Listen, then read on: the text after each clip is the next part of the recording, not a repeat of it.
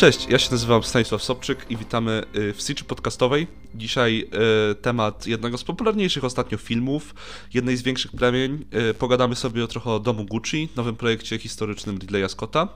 I ze mną są jest trzech wspaniałych gości. Jest Paweł. Cześć. Jest Olaf. Hej. I jest trochę gość specjalny, Łukasz Wielgosz.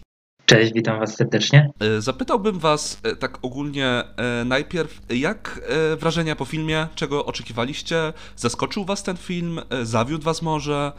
Chciałbym ogólnie usłyszeć, co tam, jak tam po seansie. Ja nie miałem jakichś specjalnych oczekiwań, poza tym, że mm, liczyłem na bardzo dobre kreacje aktorskie, no bo obsada tego filmu jest, wydaje się na papierze znakomita, no i akurat tutaj liczyłem na takie bardzo wyraziste kreacje aktorskie i to otrzymałem, w większości mogę je ocenić pozytywnie, jedno muszę ocenić zdecydowanie negatywnie, ale o tym to już sobie porozmawiamy w dalszej części. Mm, a jeżeli chodzi o ogólną ocenę tego filmu, no to mam bardzo duży problem, ponieważ jest to bardzo, bardzo nierówny film. E, jest taki bardzo niespójny, chaotyczny, czasami bardzo rwany, gdzie dobre elementy są bardzo dobre, a te słabsze elementy czy słabsze momenty są, czy takie słabsze momenty jakiejś dłużyzny, czy jakieś kłopotliwe sceny są po prostu zagrane w katastrofalny sposób. I gdybym miał ogólnie tak podsumować ten cały seans, to chyba bym go ocenił pozytywnie.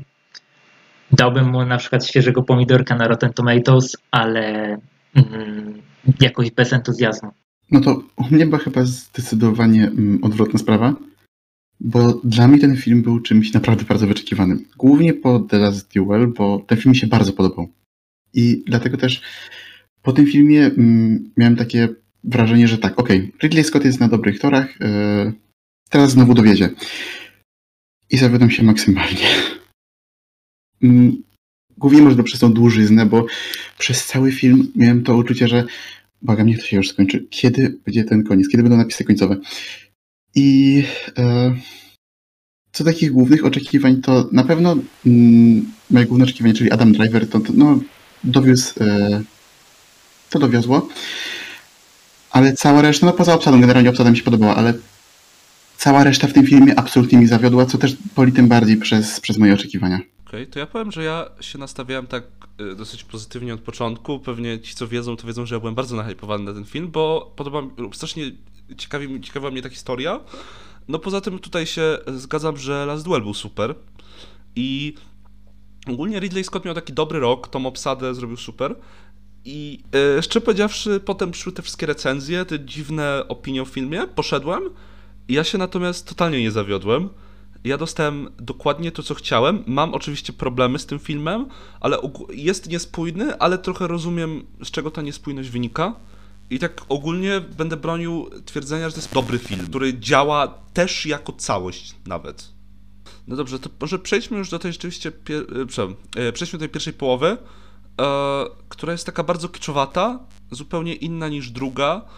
E, jak, jak to odebraliście? No bo słyszę, że tutaj się nudziliście trochę. Nudziła was też ta pierwsza połowa? Ja miałem taki problem, że generalnie całość była strasznie niezbalansowana tonalnie i kiedy były takie E, bardziej kiczowate momenty, to faktycznie oglądało się to w miarę przyjemnie, ale przez to, że ten film nie idzie kompletnie w jedną z tych dwóch stron, czyli ani powaga, ani kicz i które są miesza, to te momenty, które były trochę bardziej dramatyczne, wypadały dla mnie strasznie blado. Ja się tutaj bardzo właśnie zgodzę z Pawłem, że e, ten film jest bardzo niezbalansowany. Bo kiedy mamy te momenty właśnie kiczowate, a potem zestawione z tymi bardziej poważnymi, no to już bardziej może problem tej drugiej połowy, ale w tej pierwszej też mam wrażenie, że dało się to odczuć kiedy mm, by te elementy zestawione, żaden z nich nie miał takiego wydźwięku, jaki powinien mieć. Ja nie mam problemu z tym, że mieszane są różne elementy, które do siebie teoretycznie nie pasują i z tym kiczem również nie miałem problemu. Dla mnie największym problemem jest tempo tego, tego filmu, które z każdą kolejną minutą jest coraz, coraz to wolniejsze. Dlatego ja najbardziej sobie cenię pierwszy akt filmu, kiedy mm, mamy wprowadzenie postaci, poznajemy ich charaktery, co to są za postacie, w jakim są punkcie życiowym, no i mamy ten pierwszy, te pierwsze relacje, które się zawiązują pomiędzy, e, pomiędzy postaciami, możemy sobie mm, na podstawie tego filmu wyrobić opinię na temat każdego z bohaterów, jakie są relacje, jakie są relacje w ramach tej rodziny. E, I to było najciekawsze. A potem, jak przechodzimy do tej intrygi, jest coraz, coraz, coraz gorzej. W pewnym momencie właśnie wchodzi postać, którą będziemy chyba tutaj najbardziej mocno krytykować, czyli Jared Leto, który pojawia się już w drugim akcie. No i trzeci akt jest totalnym snujem finał tego filmu jest no, bardzo, bardzo powolny. Ta scena morderstwa, która jest ulokowana właśnie na końcu tego filmu, ona jest zrobiona w slow motion. Ja tak czekam, aż zabiją tego drivera i tak czekam, i czekam, i czekam. I on tak jedzie tym rowerem i czekam, aż on dojedzie do tego punktu, w którym są ci mordercy, aż ten morderca wysiądzie z tego samochodu i wyciągnie spluwę i go zastrzeli. No to się wszystko ciągnęło niemiłosiernie. I mm, można powiedzieć, że to jest taki, ten film to jest taki pociąg, który najpierw mocno rozpędzony wjeżdża w pierwszym akcie i potem tak zwalnia, zwalnia, zwalnia, aż w końcu w trzecim akcie się tak niemiłosiernie snuje do samego końca. Chciałem tylko powiedzieć, że e, ja bym się z tą Łukasz zupełnie nie zgodził w kilku miejscach, bo tak, tempo zwalnia, a mi właśnie super się podobało, że mamy tą pierwszą połowę, która jest taka bardzo E, no, lecimy z tym wszystkim, to jest takie bardzo kiczowate, cały czas wchodzi jakaś muzyka, to, to mi się to bardzo podobało, a potem jak ten film zwalnia i idziemy w ten taki maksymalny kontrast, że wcześniej mieliśmy ten kicz i zabawę, a teraz patrzymy, jak wszyscy są w stanie sprzedać te relacje dla jakichś kilku rzeczy. I tutaj nawet będę bronił tego, znaczy Jareda Leto nie, ale jego postaci, bo uważam, że Paolo w scenariuszu to jest bardzo tragiczna postać i gdyby nie to, że ktoś tam naprawdę spuścił Leto ze smyczy i zostawił mu tyle miejsca, to by mogło super wybrzmieć i ta scena, oczywiście ta scena, o której wszyscy mówią, y, scena z Alem Pacino i z tym tekstem, że jesteś moim idiotą, to nie wiem, to dla mnie była jedna z fajniejszych scen filmu. Morderstwo troszeczkę rozumiem o co ci chodzi, bo to morderstwo jest takie, a mi się właśnie podobało, że ono jest takie przeciągnięte, bo to jest to, co już widzieliśmy na początku, więc czekamy i czekamy i czekamy. I to mi się podoba. Ale morderstwo nie było w ogóle elementem zaskoczenia w tym filmie. Znaczy, zwiastuny już ci pokazują, że to morderstwo będzie i będzie ulokowane na końcu trzeciego aktu, więc my sobie doskonale zdajemy sprawę z tego, co się wydarzy, a to leci jak u Zaka Snydera. Jest slow motion, on sobie tak wolno jedzie tym rowerem. To się tak wszystko jest takie strasznie przyciągnięte, że aż odbiera po prostu tą, tą przyjemność z oglądania tej, tej końcówki gdyby tam, gdyby to było zrobione w takim bardziej dynamicznym montażu, czy podane w jakiś bardziej ciekawy sposób niż takie po prostu, no wyszedł chłop, zamordował drugiego em, z broni palnej, koniec. Taka, takie wieście, klasyczne morderstwo filmowe. A to jest wszystko tak strasznie przyciągnięte, dlatego ja mam z tym duży problem. To w sumie co do tego e, morderstwa, to co mówisz o tym, jakie ono jest przeciągnięte, mm, ja się z tym raczej zgodzę. Chociaż mam wrażenie, no oczywiście to było pewnie, wiesz, tak przeciągnięte, że to dla, takiego suspensu i to by nawet działało, gdyby nie fakt, no, że, no jak mówiłeś, e, to nie dawało żadnej niespodzianki, bo to jest coś, co widzieliśmy już od początku tak naprawdę. I faktycznie, gdyby to było jakieś takie bardziej dynamiczne, co momentami film rzeczywiście ma takie momenty, to to na pewno by o wiele lepiej działało, ale no nie działa. No właśnie, moim zdaniem w filmie takiego typu który jednak ma prowadzić po prostu do danego wydarzenia, no to o którym już wiemy, to ważna jest ta droga, bo ona była ekscytująca. A tutaj to wszystko jest zrobione w najbardziej podstawowy sposób, że nie ogląda się tego jakoś z bólem, ale też no nic tu w tym filmie nie zaskakuje. I ogląda się to po prostu z zerowymi emocjami dla mnie to ja tu ci powiem, ja się tutaj bardzo nie zgodzę, bo ja uważam, że to wcale nie ma prowadzić do tego morderstwa. E, główny punkt kulminacyjny w całej relacji, w całym wątku rodzinnym, a nie w wątku Lady Gaga i Adama Drivera, to jest ta kolacja, ten obiad czy posiłek, który ten je z nowymi szefami Gucci. I to była super dramatyczna scena i to działo świetnie. Morderstwo jest zwieńczeniem innego wątku, i e, w tym kontekście to bardzo się cieszyłem, bo ja się przed seansem trochę bałem, że to będzie film o morderstwie Gucciego, a wcale nie jest. I dlatego mi się tak e, podobał też. I mówię, to nie ma działać do końca i mam wrażenie, że to, to jest nudne, bo my to widzieliśmy trochę już na początku. Nie wiem jak wy, no ale ja od razu wiedziałem, że okej, okay, ona do niego mówi, ktoś do niego powiedział panie Gucci, to musi być morderca. Szczególnie, że widać, że Gucci jest już starszy. I jasne, to jest trochę przeciągnięte, to to nie jest może najlepiej napisana rzecz świata, ale równocześnie ten kontrast między tym Gucci'm, który jedzie na rowerze, bo nie zapominajmy, że w tej ostatniej scenie są jeszcze ujęcia z Lady Gagą, która leży w wannie i się nad tym zastanawia. No zresztą to, że ta scena nabiera w pewnych momentach zupełnie innego wydźwięku niż gdy widzieliśmy ją na samym początku filmu, choćby to, czemu Gucci się śmieje przy tej kawie. E, w sensie Gucci ten driver, tak? Tak dodam na wszelki wypadek. E, nie wiem, na mnie to wszystko zrobiło wrażenie. Szczególnie, że po tym morderstwie na szczęście Scott nie przeciągał, a tego się trochę bałem. No właśnie moim zdaniem e, nawet ten wątek dotyczący samej firmy stał się trochę przewidywalny, dlatego że ja od kiedy zauważyłem, że kiedy w tym zostało po raz pierwszy poruszone to, że wchodzą zagraniczni inwestorzy spoza rodziny tej firmy, no to już mniej więcej wiedziałem w jaki sposób ta historia się potoczy i jak to się skończy, więc dla mnie tu też nie było żadnego suspensu, i dlatego wypadł dla mnie podobnie jak z tym wątkiem morderstwa postaci Adama Drivera.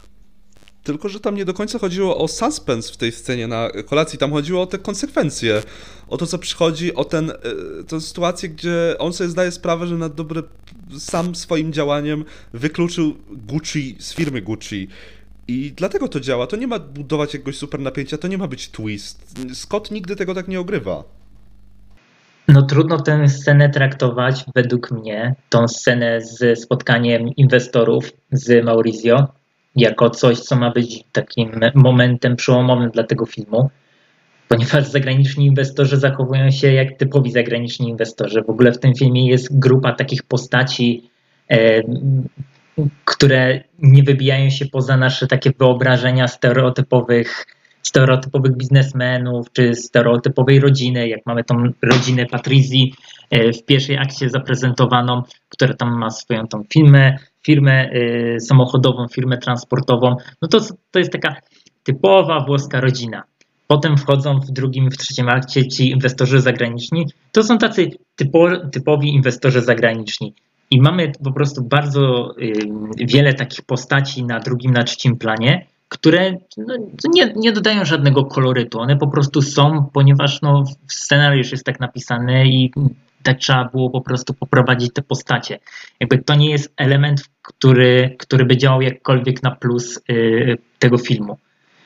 Cała para, jeżeli chodzi o scenariusz, jeżeli chodzi o reżyserię tego filmu, idzie właśnie w kilka y, postaci, które są przedstawiane przez wybitnych aktorów i cała reszta, to całe otoczenie, ten, cała scenografia, kostiumy, blichtr ma na celu tylko to, żeby podnieść rangę tych postaci, żeby one były bardziej ciekawe, żeby one się odbijały od tego otoczenia. Mamy tych y, właśnie um, przedsiębiorców zagranicznych i no oni się zachowują jak typ, typowy, typowi przedstawiciele wielkiego biznesu, dla których są ważne tylko tabelki, wyliczenia, są bardzo pobłażliwi dla tego Maurizio, a Maurizio właśnie staje się taki bardzo nerwowy na ich tle. I oni są wyłącznie po to, żeby od mm, żeby dawać właśnie taki kontrast do Mauricio i do Aldo, gdzie mm, ma tą właśnie scenę wcześniej, jak pozbywa się tych udziałów w firmie Gucci. Czyli to jest, to jest właśnie popis aktorski mm, Ala Pacino, ale ma on miejsce w takim otoczeniu, gdzie tylko on bryluje. Tam obok niego siedzi Jared Leto, Jared Leto się właściwie nie odzywa w tej scenie. Mamy tych przedsiębiorców, wychodzi driver, a całą tą scenę skradł właśnie Al Pacino swoją, swoją grą, tymi nerwami, tym, tym zaangażowaniem, jakie on miał w firmę, którą doprowadził do wielkich sukcesów i na koniec ponosi taką spektakularną klęskę. I to jest miejsce, w którym ten Pacino może sobie bardzo wykazać się swoim talentem aktorskim, a jednocześnie wszyscy inni to są takie pionki, które robią za tło. I tych takich scen, w których mamy e, one man czy one, e, no, one man show, jest bardzo, bardzo dużo w tym filmie. Mm, to co do tej sceny, mm, co do tej jakby sprzeczki, gdzie mówimy, która jest scena bardziej kulminacyjną taką, yy, mi się wydaje, że faktycznie tą scena ta scena przy kolacji z inwestorami, gdzie Adam Driver zostaje jakby wykluczony, ta scena faktycznie jest bardziej kulminacyjną dla całego wątku rodziny Gucci'ch. Ta, to morderstwo to jest bardziej taka klamra i zwieńczenie wątku Lady Gagi. E, postaci oczywiście grałem przez Lady Gaga, ale tego takiego generalnie domu Gucci, ta scena właśnie z inwestorami to jest ten taki definitywny koniec. Tak jak mieliśmy wtedy Ala Pacino i tak potem oni powoli upadają i jak Adam Driver ostatecznie wypada z tego, no to to jest taki definitywny koniec tej rodziny. I to morderstwo bardziej wydaje się taką klamrą, mm, dużo bardziej mi to pasuje, ta rola y, do tej sceny pasuje. Chociaż też co właśnie do tej sceny, to mm, ona nie mam wrażenia wydźwięku takiego. Tutaj w dłuższej mierze y, to, co do niej prowadzi, to bardziej wydaje się być takim mm, nudnym biopikiem, takim standardowym biopikiem, który tak naprawdę ma tylko przedstawić jakąś historię. I w zasadzie dlatego troszeczkę ta scena nie ma takiego dla mnie wydźwięku, jaki powinna przynajmniej mieć. Ona też dla mnie nie zostawiła żadnego wrażenia emocjonalnego, też dlatego, że ciężko było mi po prostu czuć jakieś przywiązanie do postaci drivera, dlatego że on nie jest pisany w taki sposób, abyśmy mieli go lubić. Przez to wychodzi to na to, że tak naprawdę losy się ważą pomiędzy postacią drivera, za którą jakoś zbyt nie przepadamy, i za tymi biznesmenami, którzy są generycznymi stokowymi postaciami, za którymi tym bardziej nie przepadamy. Okej, okay, i tutaj idealnie widać tragedię rodziny Gucci. Mamy tego drivera, który orientuje się w tym momencie w jaką stronę przeszedł, bo Driver to jest tak fajnie napisana postać, że jego Mauricio się adaptuje trochę do każdych warunków. To pokazuje na przykład ta fenomenalna scena na, z tymi ciężarówkami, gdzie myje, a ta ostatnia scena to jest ta scena, kiedy on się orientuje, że sprzedał swoją firmę, sprzedał tą swoją rodzinę, e, on to w zasadzie oddał, e, korzystając z tej samej techniki, wykluczając ich, przegrał, oni go wykluczyli w dokładnie ten sam sposób, on e, sprzedał całą swoją rodzinę tym ludziom, którzy są takimi najbardziej typical amerykańskimi no-name'ami, tymi biznesmenami, dla których nie liczy się żadna rodzina, tylko liczą się numerki i ładne buty. I właśnie dlatego też uważam, że te postacie drugoplanowe mają sens w takiej roli, bo on nie oddał tego nikomu sensownemu. On właśnie wychodzi do tej Ameryki. Oni są zupełnym kontrastem w tej drugiej połowie tej jego rodziny, tego Jeremiego Ironsa, który dba, który samemu zaprojektował tą mapaszkę i o niej opowiada. I dzięki temu ta scena to jest uważam jedna z lepszych scen w filmie, która w ogóle świetnie podsumowuje też postać Drivera. Ten moment, w którym on orientuje się, że hej, e, ta Lady Gaga miała rację, Patricia miała rację w wielu aspektach.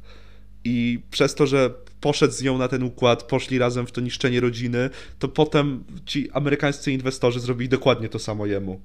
Tylko, że pomiędzy oczywiście Mauricio a jego rodziną była relacja rodzinna, a tutaj żadna. Właśnie dlatego, że postać drivera jest taka, że on się dostosowuje mm, tak mniej więcej do otoczenia, to przez to wypada on trochę blado, dlatego, że on nie ma takiego wyraźnego, mocnego charakteru, jak ma tutaj postać Lady Gagi, czy Ala Pacino, czy Jeremiego Ironsa, przez to jest to postać, która na tle po prostu tych e, innych aktorów to wypada moim zdaniem o wiele gorzej. I jeżeli daje się ją właśnie do kulminacji e, jakby całego filmu, czy wątku głównego w tym filmie tej rodziny, no to nie wybrzmia to tak dobrze. I ja osobiście na przykład o wiele więcej czułem podczas sceny z Alem Pacino, kiedy to on sprzedawał swoją część udziału w firmie, niż kiedy była ta scena kiedy to Adam Driver tracił swoje udziały. Tylko, że Adam Driver, ja się bardzo zgadzam, że ta scena z Alem Pacino jest też super emocjonalna, to bym powiedział też jest albo równie dobra, albo i lepsza, szczególnie w połączeniu z tą kolejną sceną już w domu, ale tak ogólnie to mam wrażenie, że to działa, dlatego Driver działa, bo jest zupełnie inny niż ta rodzina, on się tam nie nadaje trochę, nie czuje tego, e, te jego emocje, ten gość, który i dopiero w tym finale ta scena tej jego metamorfozy, gdzie, te, gdzie robi tą sesję, gdzie ten, dopiero tam to wszystko, on staje się rzeczywiście tym pełnoprawnym szefem Gucci, dopiero kiedy już porzucił tą Lady Gaga i no nie wiem czemu w tej scenie miałby być ktokolwiek inny, bo ktokolwiek inny zupełnie by tam nie działał. I niby to, ta scena działa, bo on nie reaguje emocjonalnie aż tak.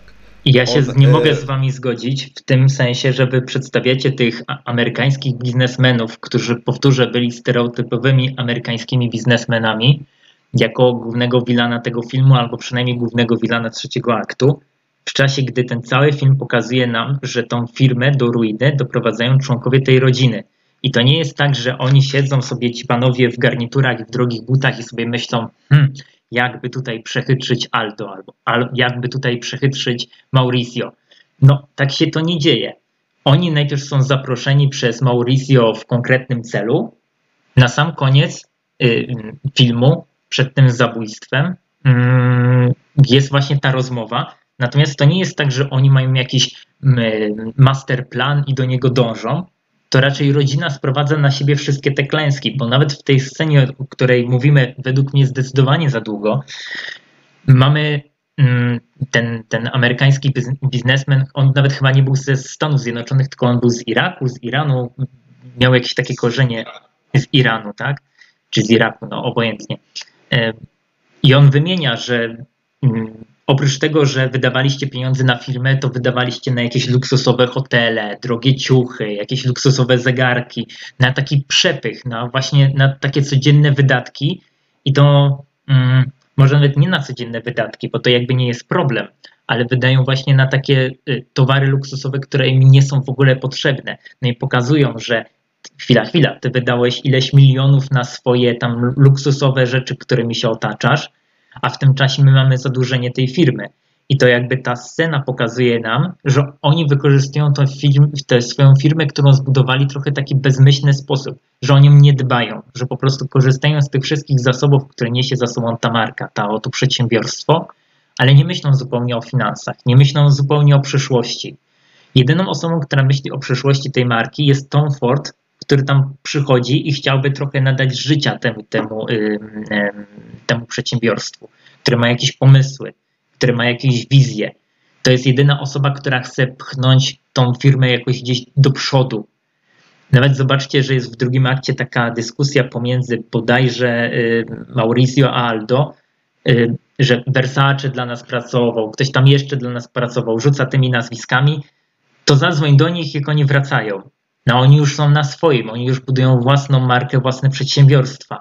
I oni potrzebują właśnie jakiegoś nowego mm,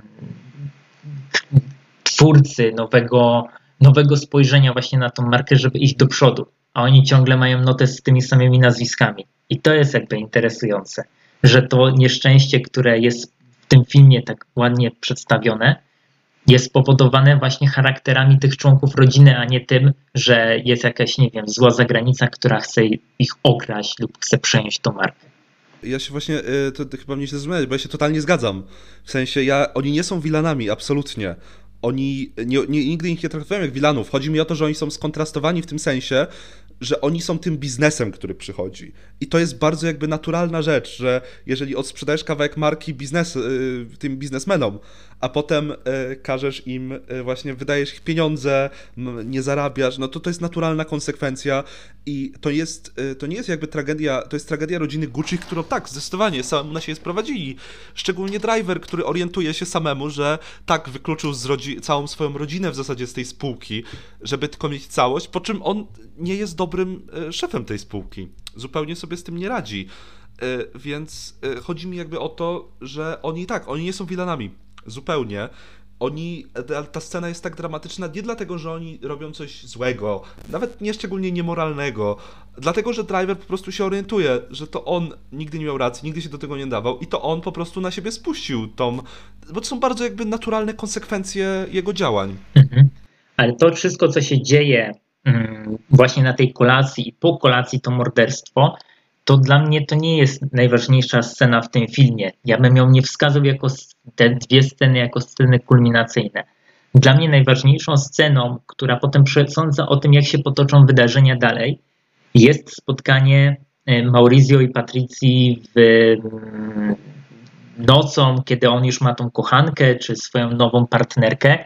No i spotykają się pod tą kamienicą czy pod tym domem no i ta Lady Gaga czeka na tego drivera, spotyka go, daje mu ten, ten album ze zdjęciami, no i prosi go, żeby wrócił do rodziny, wrócił do tej córki. No on mówi, że no nie, że ja już mam nowe życie, e, ja ciebie nie kocham, ale ci zapewnię, zapewnię tutaj dobrobyt, że ty się nie musisz o nic martwić, mimo tego, że nas uczucia już że ty nie łączą, to ja ci tutaj zapewnię bezpieczeństwo takie mm, przede wszystkim finansowe, dla ciebie i dla naszej córki. I ona sobie w tym momencie uzmysławia, że poniosła totalną klęskę. I że to zakulisowe sterowanie tą firmą i wywieranie nacisku na Mauricio, żeby on tak właśnie zarządzał tymi wszystkimi mm, relacjami, ostatecznie doprowadził do skonfliktowania się z całą rodziną, że to była właśnie droga, która doprowadziła do jej personalnego upadku. I to się tak bardzo ładnie wiąże z tym Y, z tym postacią właśnie tej Patrycji Reggiani, kiedy ona poznaje właśnie Maurizio i ona widzi, że w tym będzie pieniądz. Że to, to od razu po prostu widać, że oni z jednej strony są zakochani i łączy ich szczere uczucie, ale ta Patrycja ewidentnie widzi w Maurizio pieniądz i wiąże się z nim, mm, zakładają rodzinę, wychowują dziecko, mają wspólne przedsiębiorstwo do prowadzenia, a na koniec on ją tak totalnie odstawia, przez co ona przegrywa jako człowiek. I to jest właśnie najbardziej interesujący wątek, bo w momencie, kiedy ona przegrywa ten związek i ten Adam Driver jej mówi: My już nie będziemy ze sobą, dostaniesz pieniądze, ale już nas nie łączą żadne relacje, idź do domu, to ona wtedy już jest totalnie przegraną postacią i wtedy ona zleca właśnie to zabójstwo. I wtedy Driverowi wszystko leci z rąk. I uważam, że właśnie ta scena była właśnie najlepszą sceną, taką, jeżeli chodzi o finał, y, jeżeli chodzi o trzeci akt, to była właśnie najważniejsza scena, bo potem wszystko inne, co się dzieje na ekranie, jest jej konsekwencją. Ja się bardzo zgadzam, że to jest kulminacja wątku Lady Gagi i e, Adama Drivera i to tym względem była dobra. Ja mam z nią kilka problemów, bo tam te dialogi nie zawsze mi aż tak to siada, a ta scena, o której mówiliśmy bardzo długo, ta na obiedzie, to jest kulminacja dla mnie trochę wątku tych Gucci jako firmy. E, Gucci jako firmy rodzinnej. To, co mówisz, to jest rzeczywiście fajna kulminacja wątku tej relacji między Gagą a Driverem e, Zresztą, no mówię, to są dość ciekawe postacie na papierze, więc e, jeżeli nie macie nic do dodania jeszcze w tej kwestii tego, to bym zapytał, jakie są wasi ulubieni bohaterowie? Może jakieś wątki, droga, którą przechodzą? No generalnie moim zdaniem najmocniejszym aspektem, jeśli chodzi o postacie, to jest to, że każda z nich ponosi stanowcze konsekwencje swoich czynów. I moim zdaniem bardzo to jest pokazane e, prawie każdą z postaci, poza myślę postacią Jareda Leto, e, którego zakończenie wątku jest pokazane tak naprawdę już w napisach, po tym jak się cały film kończy, ale tak już miał wybrać jedną postać, która moim zdaniem padła najlepiej, to e, być to Aldo Ala Pacino, dlatego że dla mnie każda scena, w którą występował, od razu była o wiele, wiele przyjemniejsza do oglądania dzięki właśnie mu świetnemu performance'owi.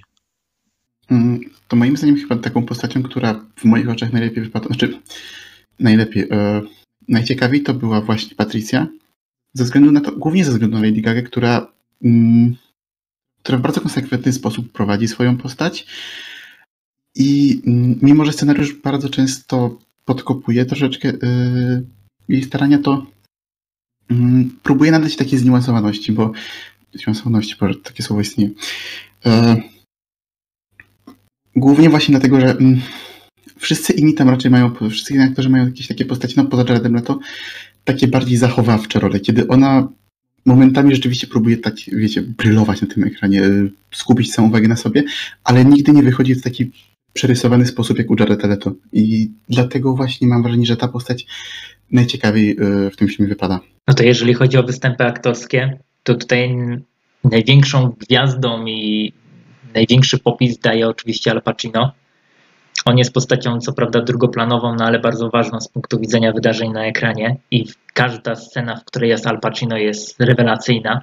On zresztą ma tam sporo do grania, bo najpierw jest takim, jest i biznesmenem, i członkiem rodziny, i stara się powiązać te skonfliktowane strony. Trafia w pewnym momencie do więzienia, wychodzi z tego więzienia i jest potem już totalnie przegranym człowiekiem i on może różne emocje zagrać w tym filmie. Od tych emocji no, pozytywnych, gdzie jest szczęśliwy, gdzie jest zadowolony, gdzie jest właśnie na szczycie, prowadzi ten biznes, aż do samego końca, w którym on musi ze wściekłością podpisać właśnie te dokumenty, które ma przed sobą. I to była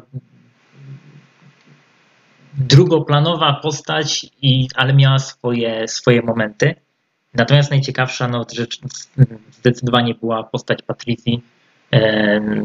To nawet nie chodzi o występ Lady Gagi, który uważam, że był bardzo dobry i to wszystko, co miała do zagrania, to zagrała świetnie, ale takie mam wrażenie, że cały ten film właśnie wokół niej się kręci, ponieważ no, ten pierwszy akt rozpoczyna się właśnie od tego, że ona poznaje właśnie tego Maurizio, dowiaduje się, kim jest, zaczyna go podrywać. Ta relacja się zawiązuje nie z inicjatywy Adama Drivera, tylko z jej inicjatywy. I to jest na pewien sposób urocze.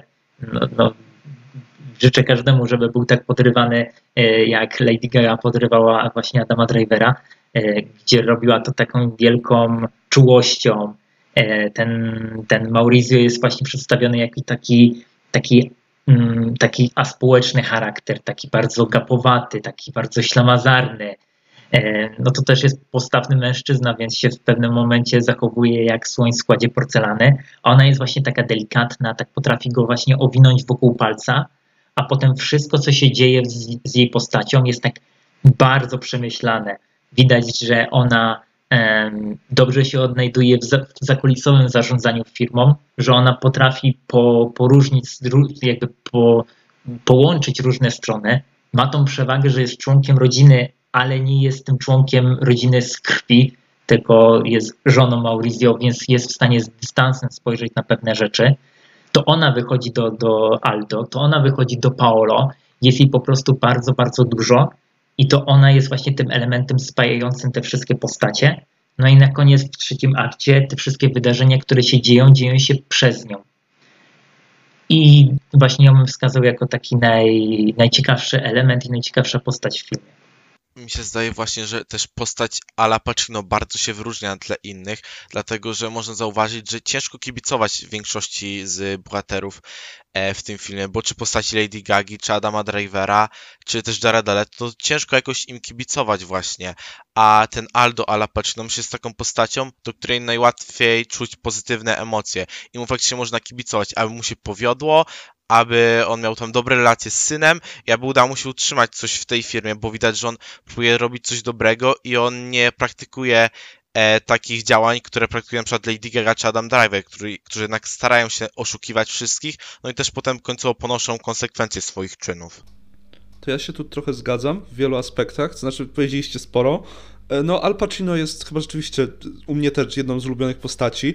Nie do końca się zgodzę z tym, żeby mu kibicować, bo on, on fajnie gra tego, tego dobrego włoskiego wujka, biznesmena, który gdzieś tam robi rzeczy, jest super miły, ale z drugiej strony to daje gość, który forsuje swoją rodzinę, który, no to oszustwa podatkowe nie wzięły się znikąd, ale jasne, super, ta scena jest super dramatyczna, ta ostatnia z jego synem.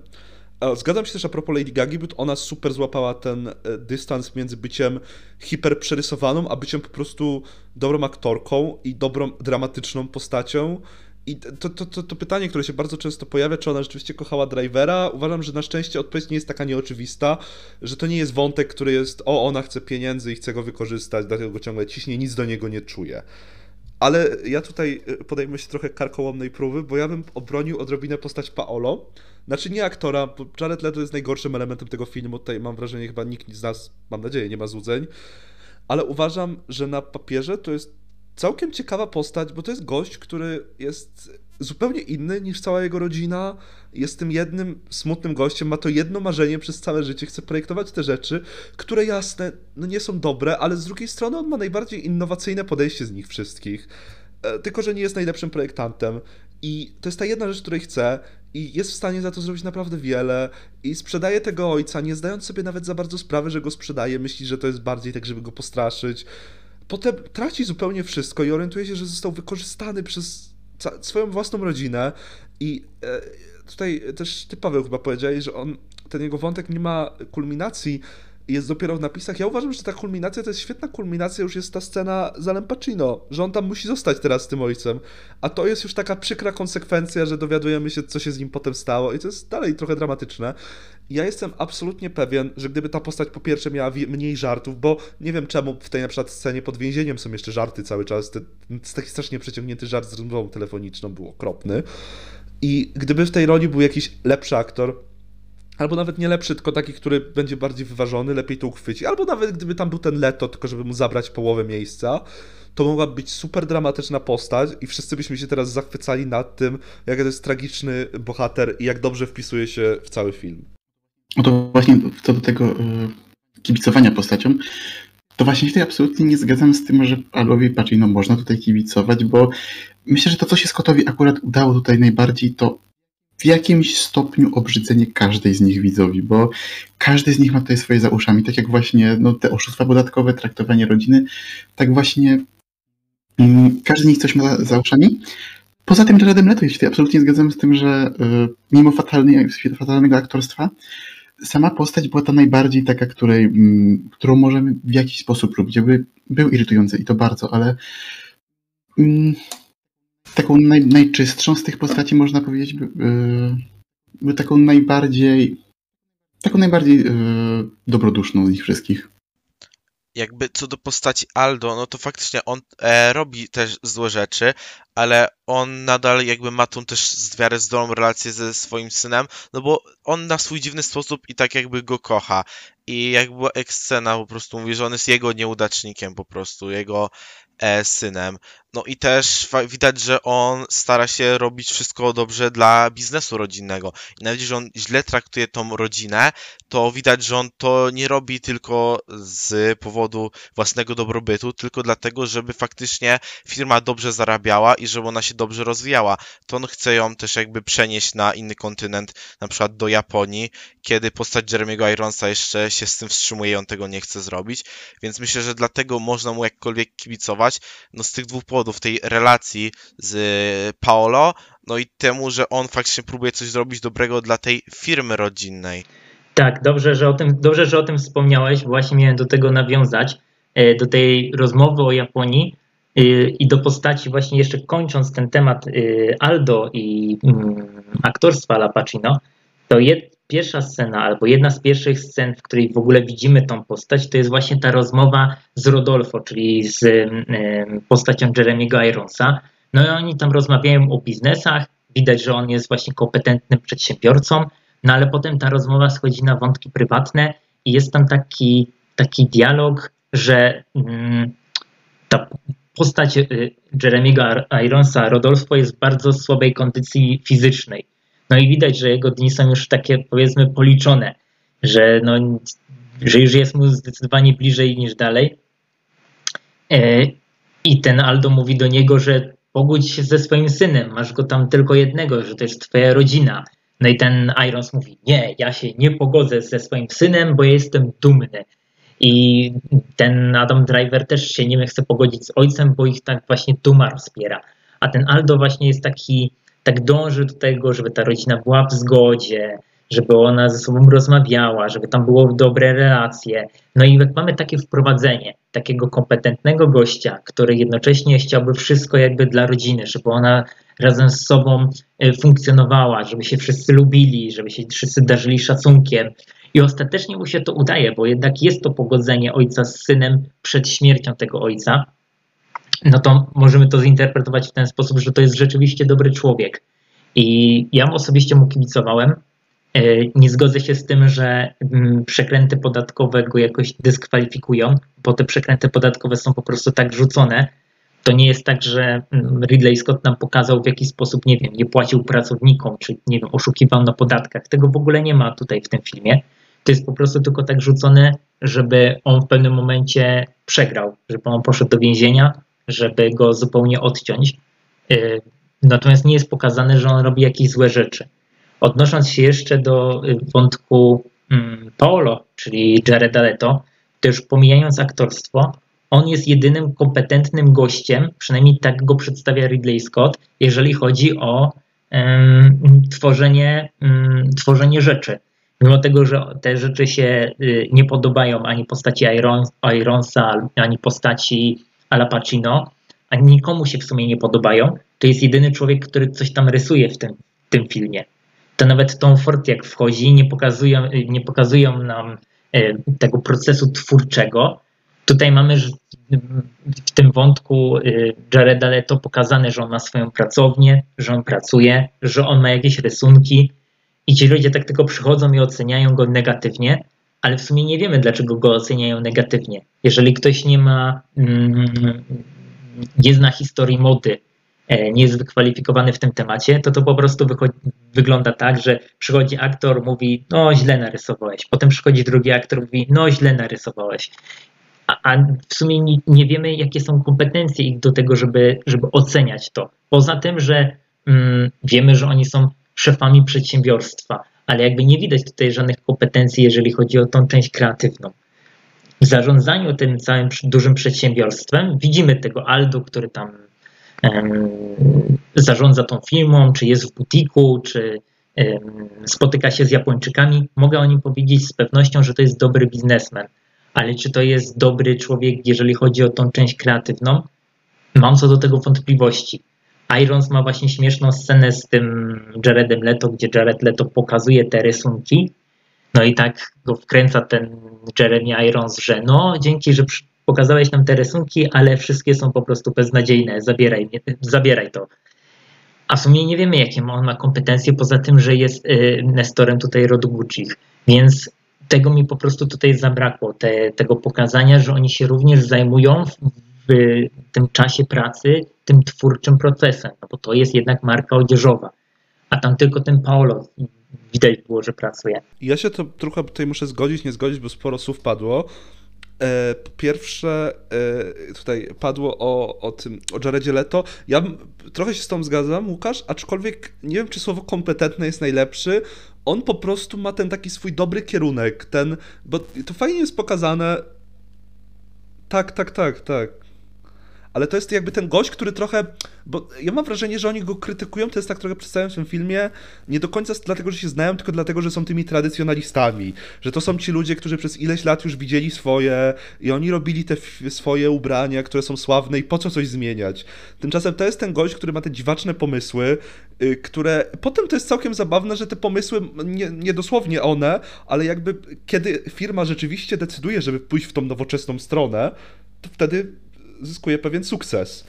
I to jeszcze jedna rzecz, co bym się nie zgodził a propos postaci Ala Pacino. Po pierwsze, on on to tak robi to dla rodziny, ale to jest gość, który kocha ten blichtr. To jest gość, który kocha być w tym świecie, gdzie cały czas pokazywać się z tymi modelkami. To nie jest jakiś, jasny jest biznesmenem bardzo, ale ja nie wiem, nigdy nie czułem, że jest jakaś super pozytywna postać. Jasne, on jest pokazany w tej pierwszej części jako taki dobry wujek, który przyjeżdża raz na jakiś czas, który ogarnia tam te biznesy, który kocha tą rodzinę i ta jego relacja z synem jest ładna, ale czy jest zdrowa? To też jest gość, który strasznie podcina temu synowi skrzydła, który go tak traktuje tak, że niezależnie co on zrobi, no to no, on jest ten mój, on jest tym moim idiotą. Jasne, to jest w pewien sposób urocze, ale mam wrażenie, że to tak trochę bezkrytycznie do tego podchodzicie niektórzy. To jest e, taka relacja z tym synem nie jest do końca, ona nie jest naturalna, ona nie jest zdrowa na pewno. Ani dla jednego, ani dla, dla, dla drugiego jakby co do tego bycia tradycjonalistą, to zgodziłbym się, że właśnie takie podejście ma postać Jeremy'ego Ironsa, która chce pozostać przy tym, co było i nie chce rozwoju, ale myślę, że postać e, Ala Pacino, ona nie odrzuca tych projektów e, postać Jareda Leto tylko dlatego, że to jest coś innowacyjnego, a bardziej dlatego, że on patrzy z perspektywy biznesowej i on wie jakby, że lepiej sprzedadzą się takie typowe projekty niż takie nowoczesne e, właśnie, które Paolo proponuje. I myślę, to też fajnie e, pokazuje jeszcze bardziej jakby różnicę pomiędzy braćmi właśnie, czyli Rodolfo i Aldo, gdzie jeden chce po prostu zostać przy statusie quo i nie rozwijać marki, a drugi chce rozwijać w punkcie biznesowym. I właśnie żaden z nich nie podchodzi jakby z strony kreatywnej do tego i, i tak naprawdę właśnie, no jak mówiście, jedną postacią e, jest bohater Jareda Leto, który próbuje zrobić, no ale z drugiej strony on też nie ma talentu, przez to to ładnie prowadzi do tego, jak końcowo po prostu Gucci sami się wygryzi z tej firmy, dlatego, że nikt nie potrafił tego zarządzić z kreatywnego punktu widzenia. E, ja się tutaj zgadzam, tylko chciałem jeszcze, e, e, chciałem jeszcze tylko na szybko dodać bardzo, że ja mam wrażenie, że to jest też pokazane, że Aldo krytykuje te projekty syna trochę dlatego, że on go traktuje od razu z góry, że jeżeli coś zrobił, no to jest ten jego syn, to jest ten kretyn, nie chce coś tam robi, rysuje, a dla niego to, nie, to nie moje i tyle. Ale co do właśnie tego, tej relacji ich, Aldo i Paolo i tego, jak on go traktuje, to też nie uważam, że to było tak, że mm, znaczy nie uważam, może nie wydawało mi się to takie, że y, tę relację traktować tak na poważnie, że on go mimo wszystko kocha. Strasznie mi to psuło jednak y, wszystkie sceny, które miały być komediowe, no na przykład chociażby ta rozmowa telefoniczna, kiedy on go odbie- kiedy on wychodził z więzienia. Wszystkie te sceny, mm, one mi niesamowicie psuły wydźwięk tego. I kiedy mamy tą scenę, y, kiedy mówimy, jesteś moim idiotą tam po wyjściu, ja nie jestem w stanie na to patrzeć w ten sam sposób, kiedy no, jeszcze chwilę temu Jared Leto mówił, no dobrze wiemy co przez telefon. No tak, tak, tak. Mam wrażenie, że tutaj Jared Leto zrobił co się dało, żeby sabotować tę całkiem ciekawą postać. I nie wiem, czemu nikt mu nie powycinał tych wszystkich gównianych scen, albo nie powiedział mu na planie, żeby się ogarnął. Znaczy ja myślę, że on się zgodził na granie w tym filmie, tylko pod warunkiem, że będzie totalnie spuszczony ze smyczy.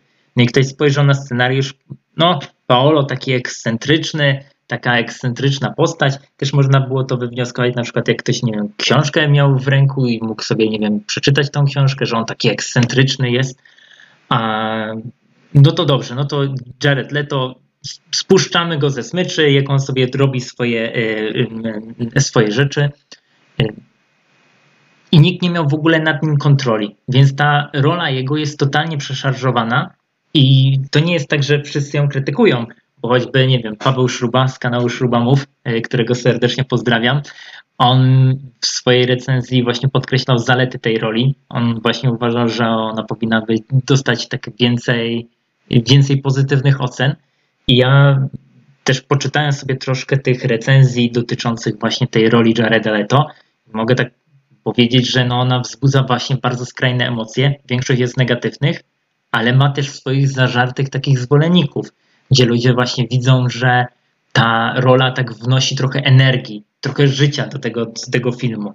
Bo ten film tak w wielu, w wielu mm, momentach się tak snuje, tam się nic nie dzieje.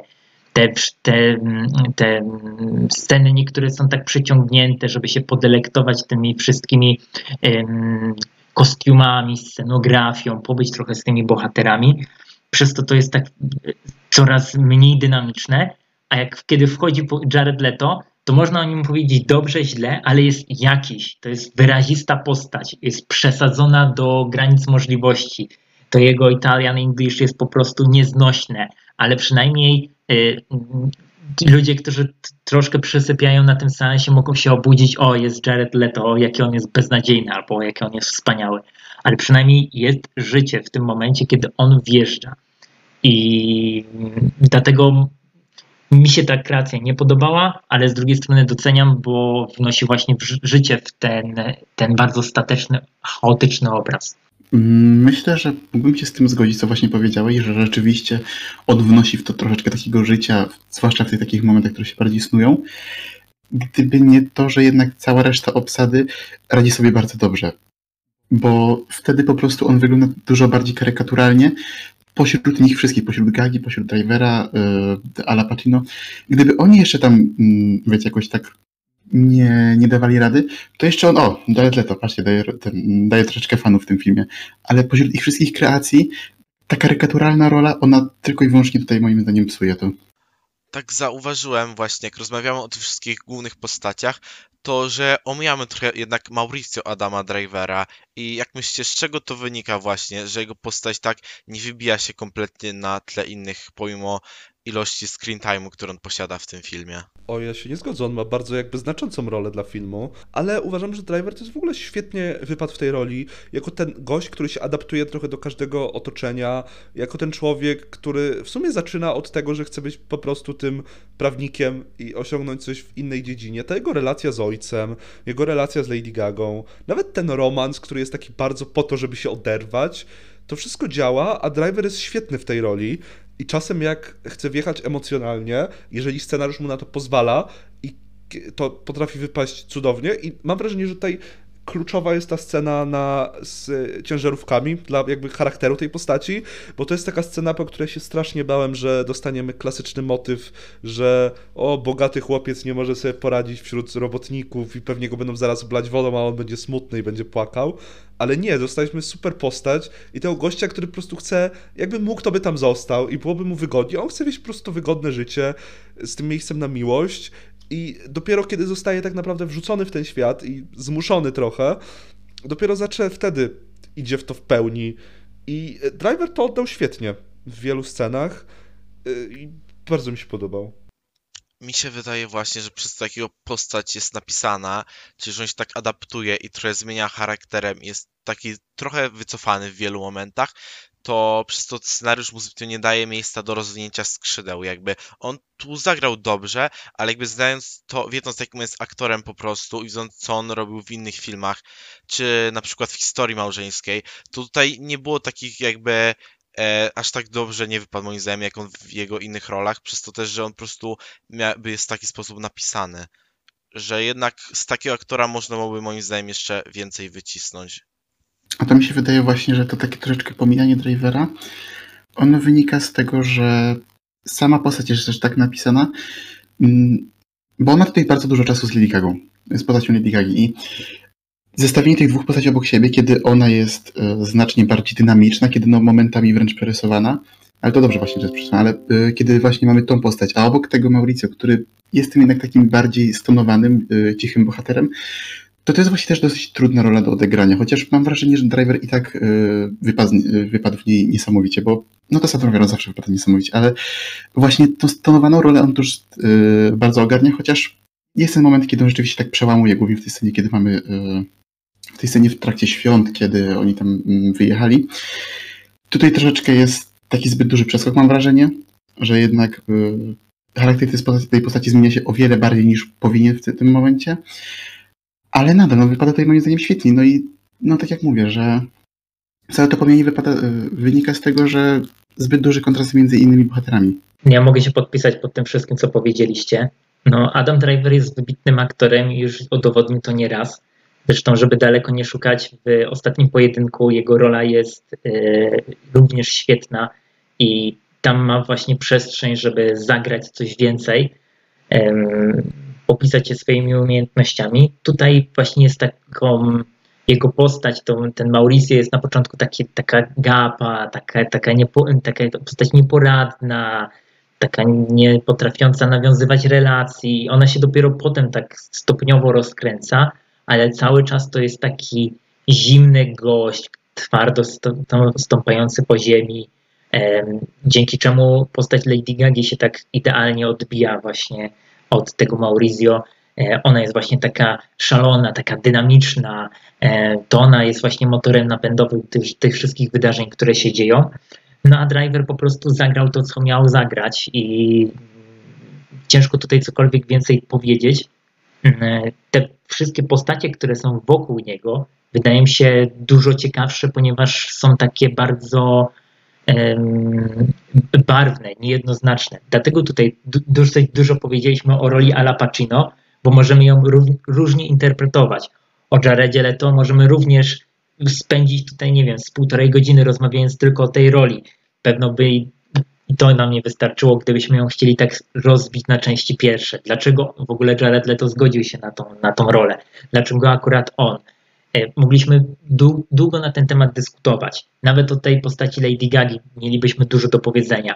A Driver, Driver po prostu zrobił to, co robi Adam Driver, czyli zgodnie ze scenariuszem dał dobry, e, dobry występ. E, jest to bardzo dobra jego rola, nie jakaś szczególnie e, wybitna, taką, że będę ją pamiętał przez lata. Zrobił kawał dobrej roboty i tyle można na, na, ten temat powiedzieć. Jest bardzo dobry, ale to nie jest taka rola, którą bym na przykład zapamiętał, tak jak nie wiem, w historii małżeńskiej, gdzie on tam mógł za, zaprezentować pełnię swoich umiejętności, czy nawet w ostatnim pojedynku, gdzie on jest takim z jednej strony zimnym rycerzem, a z drugiej strony tym amantem i to wszystko prowadzi do konkretnej tragedii, która jest przedmiotem właśnie tego filmu. Tutaj on tak przechodzi tak na spokojnie tą drogę i specjalnie się nie rozwija, poza tym, że jest tak bardziej zdecydowany i mm, staje się taki bardziej egoistyczny, odrzuca tą swoją miłość, idzie do kochanki, a na koniec ponosi wielką klęskę w finale w związku z tym, że no, przegrywa swoją firmę.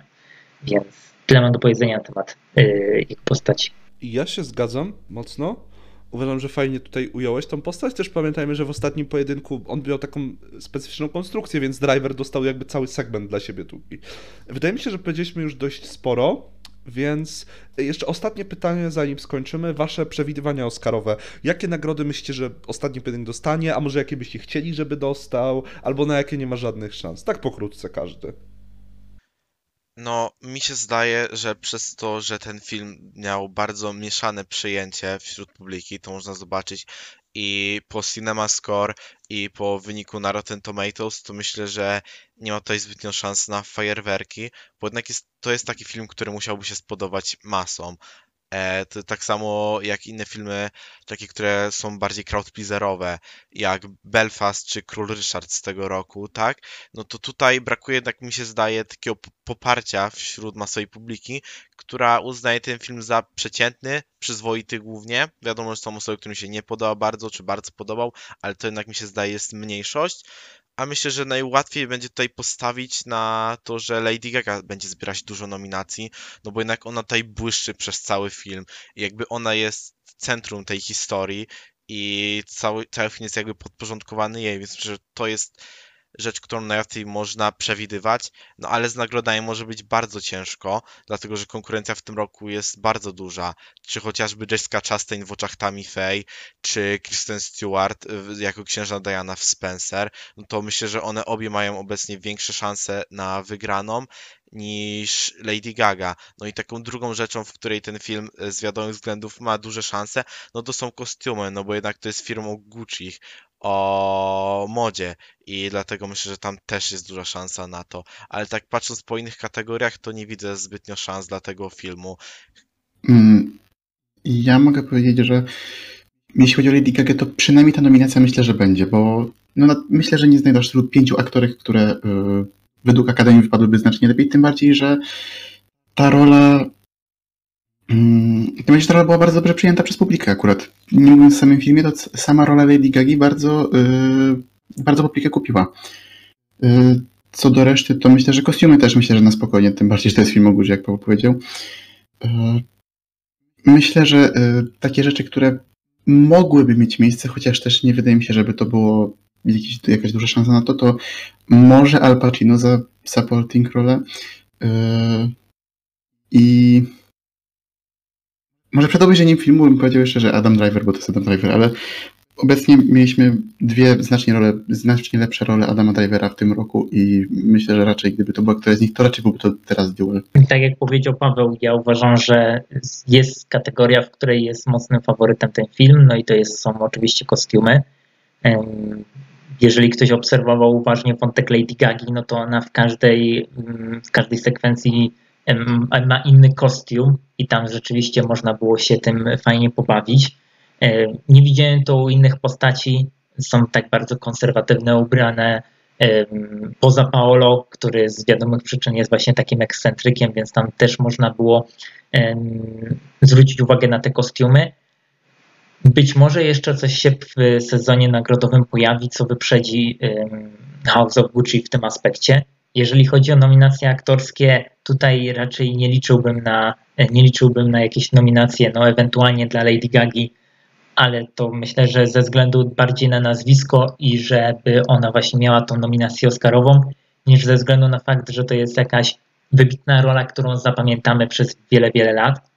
Być może również będzie tak, że ten film się złapie do czołowej ósemki e, w kategorii najlepszy film, jeżeli inne, inne filmy nie będą mm, odważne w swojej treści. Ja tak myślałem, zanim mm, zapoznałem się z tym filmem, wybrałem się na seans, że właśnie to będzie taki crowd pleaser, że pokażą nam te, tą, tą rodzinę Gucci, e, będą właśnie wyraziste postacie, pokażą nam ten świat mody, e, ten przepych, e, no i na końcu to morderstwo będzie takim podsumowaniem e, charakterze takiego, powiedziałbym, ta końcówka będzie jak z dreszczowca. No, przejechałem się na, ty, na tym bardzo. E, tempo tego filmu jest no, bardzo słabe i na koniec w tym trzecim akcie no, te wszystkie najważniejsze rzeczy dzieją się przed tym obiadem, przed tym zabójstwem, dzieją się właśnie na tej płaszczyźnie e, relacji pomiędzy mm, postacią Lady Gaga, postacią Adama Drivera, potem są już tylko konsekwencje. Ale być może będzie tak, że mm, on się dostanie do, do, tej, do tej ósemki, czy tam dziewiątki, czy dziesiątki filmów, które są nominowane za najlepszy, za najlepszy film w głównej kategorii. E, ale raczej jako taki zapychacz, że o, Ridley Scott zrobił nowy film, to go dorzucimy do tej głównej kategorii. W kategoriach aktorskich nie widzę za specjalnie szans. Jeżeli chodzi o kostiumy, no to tutaj jest mocnym faworytem. I jeszcze jedna taka jest kategoria, w której ten film mógłby powalczyć, gdyby był dobrze zrobiony. I to jest charakteryzacja. I mm, mój kolega Paweł właśnie z kanału e, Śrubamów e, zwrócił uwagę na taką jedną rzecz, że te postacie się w ogóle nie starzeją. Że ta historia, która jest e, od lat 70. do lat 90. poprowadzona, że nie widać w ogóle upływ czasu w tym filmie. Lady Gaga tak samo jak wygląda w latach 70., wygląda w latach 90. Po Adamie Driverze zupełnie nie widzimy, że to jest już mężczyzna najpierw dwudziestokilkuletni, który jest studentem. W ogóle Adam Driver jako student to jest jak e, Tobey Maguire jako e, uczeń czy student w e, trylogii Raimiego w Spider-Manach. E, musimy bardzo mocno zawiesić niewiarę, żeby uwierzyć, że Adam Driver ma 24 czy 25 lat. No a potem na koniec zupełnie nie widzimy, w jaki sposób ten człowiek się starzeje nie widzimy w ogóle to po postaci Paulo. E, upływający czas widzimy tylko po córce tej, tej, tej, tej pary, jaką jest Mauricio i Patrizia, ale ta dziewczynka, która ma na imię Alessandra, się tam gdzieś w tle przewija. No to po tym elemencie jesteśmy w stanie, czy po tej malutkiej roli jesteśmy w stanie stwierdzić, że okay, ten czas jednak rzeczywiście idzie do przodu bo gdyby nie to, to po charakteryzacji, po tym upływającym czasie nie jesteśmy w stanie właśnie, czy po informacjach, które są w filmie, że dzieje się ta akcja w konkretnym roku, w konkretnym czasie, nie bylibyśmy się w stanie od, odnaleźć w tym, czy ta, jak idą te po kolei wydarzenia na ekranie, w których to jest konkretnie latach. I tutaj, jeżeli chodzi o charakteryzację, to mocny zawód, bo liczyłem tutaj na, na coś więcej niż dobrze ucharakteryzowany Jared Leto. To nie może wyglądać w ten sposób, że cała, cała kasa na charakteryzację idzie na Jareda Leto i zapominamy, że akcja się dzieje na przełomie kilkunastu lat i wszystkie te postacie są konsekwentnie olewane, jeżeli chodzi o właśnie upływający czas. Nie widać tego zupełnie po nich. Jakby ktoś nie czytał tych napisów, które towarzyszą filmowi, to by mógł mieć wrażenie, że to się wszystko dzieje na przestrzeni, nie wiem, kilkunastu miesięcy. E, no to ja na koniec dodam, że się. Ja chyba powiedzieliście już prawie wszystko. Myślę, że Gaga ma spokojnie nominację. Ja osobiście obecnie chyba nie widziałem lepszego występu na razie z tych takich nominowanych, więc to by mnie nawet cieszyło. Za kostiumy też pewnie tu się bardzo zgadzam. E, z charakteryzacją rzeczywiście jest dziwnie z tym upływem czasu. Wydaje mi się, że chociaż jest kilka elementów całkiem przyjemnie zrobionych w tej kwestii, to mm, myślę, że tu raczej oczyta mi faj. I e, myślę, że ewentualnie jest szansa na tą dziesiątkę najlepszych filmów. Raczej jako, ale to rzeczywiście bardziej jako zapychacz. Poważniej będzie się pewnie mówiło o The Last Duel. I ewentualnie jeszcze może scenariusz adaptowany, jak nie będą mieli czego wrzucać, ale tu też może być różnie, mówię. Więc e, to by chyba było na tyle. E, to była Siege podcastowa e, i nasza dyskusja o domu Gucci. E, I dzisiaj byli ze mną Olaf. Pa. E, Paweł. Cześć. I Łukasz. Cześć, dzięki za to spotkanie. E, miłego dnia.